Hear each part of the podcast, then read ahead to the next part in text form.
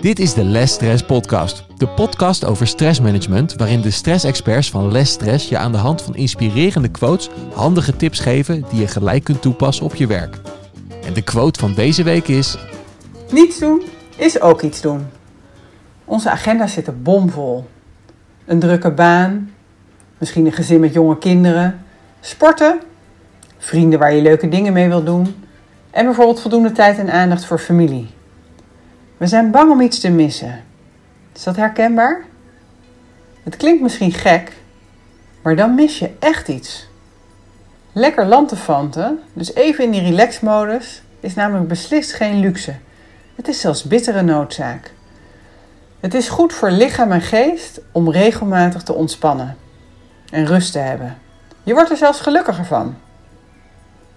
We kunnen op dit gebied veel leren van topsport. Geen enkele topsporter kan conditie opbouwen als er geen evenwicht is tussen de inspanning die hij levert en de ontspanning die hier tegenover moet staan. Daar is ook een verklaring voor. Nou, om dat even toe te lichten, een kort lesje biologie. Al onze organen zijn in meer of mindere mate continu in beweging. Ze zijn aan het werk zodat we in leven blijven. Ze zijn een onderdeel als het ware van een netwerk. Nou, gaat er nou iets mis in een radertje, dan heeft het consequenties voor de rest van het netwerk.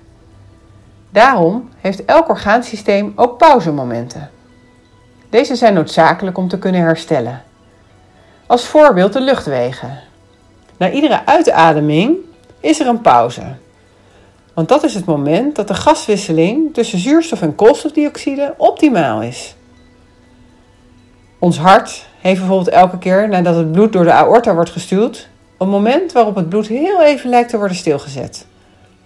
Nou, dit is een controlemoment van de sensoren in het hart, want het bloed wordt dan gecheckt of het zuurstofgehalte, de temperatuur en nog een aantal andere belangrijke punten die nodig zijn om alles goed te kunnen laten functioneren in orde zijn.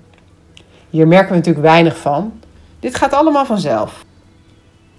Ik ben eigenlijk wel benieuwd. Heb jij voldoende rustmomenten? Als we kijken naar onze wekelijkse activiteiten, hoe ziet dan je week er ongeveer uit? Nou, een week telt in totaal 168 uur. En we besteden die met z'n allen ongeveer op de volgende manier. Ongeveer 90 uur besteden we aan noodzakelijke zaken. Nou, denk hierbij aan slapen, huishoudelijke werkzaamheden, allerlei regelklusjes. Nou, zo kan ik nog wel even doorgaan. We werken gemiddeld zo'n 40 uur. Natuurlijk zijn er mensen die minder uren werken, maar dit gaat vaak aan zorgtaken, aan het gezin of andere dingen die echt moeten gebeuren. Ook zijn er natuurlijk mensen die veel meer werken dan die 40 uur, maar ook dit gaat meestal ten koste van vrije tijd. Vrije tijd hebben we gemiddeld 38 uur. Als we kijken naar die 38 uur, dan zou je denken dat we voldoende tijd hebben om te ontspannen. Toch staan heel veel mensen altijd aan. Als we dan per week zo'n 38 uur vrije tijd hebben, hoe kan het dat dan de gros van de mensen toch altijd aanstaat? Nou, niet alleen onze mobiele telefoon zorgt er natuurlijk voor dat we continu bereikbaar zijn. We kunnen ook 7 dagen per week boodschappen doen of 24/7 internet shoppen. We checken nog even social media om te kijken of er echt niet iets gebeurd is of reageren nog op een bericht. We willen gewoonweg liever niks missen. Nou, juist omdat er steeds meer prikkels zijn, zijn de herstelmomenten zo ontzettend belangrijk. En die prikkels die gaan ten koste van het herstel. Nou, het is gewoon een voorwaarde om in deze hectische maatschappij genoeg herstelmomenten te hebben om goed te kunnen functioneren. Je kan eigenlijk stellen dat rust even belangrijk is als inspanning. We moeten dus kunnen herstellen, lekker lantefanten, gewoon even niksen om op te laden zodat we daarna weer door kunnen. Nou, goed functioneren kunnen we alleen als er balans is tussen die inspanning en die herstelmomenten. Als je nu eens naar jouw week kijkt, hoe zijn jouw 168 uren dan verdeeld? Heb jij voldoende tijd om te herstellen? Een paar tips deze week. Ga voor jezelf eens na of je voldoende herstelmomenten hebt. Tip 2.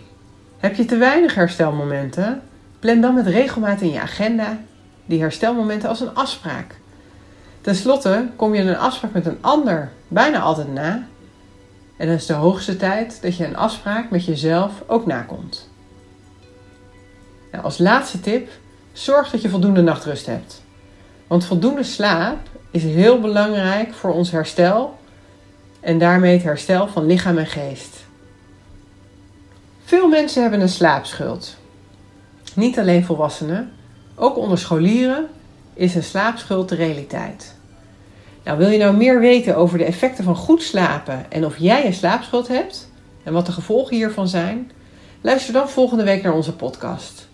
Dan weet je namelijk direct of dit bij jou het geval is en wat je eraan kan doen.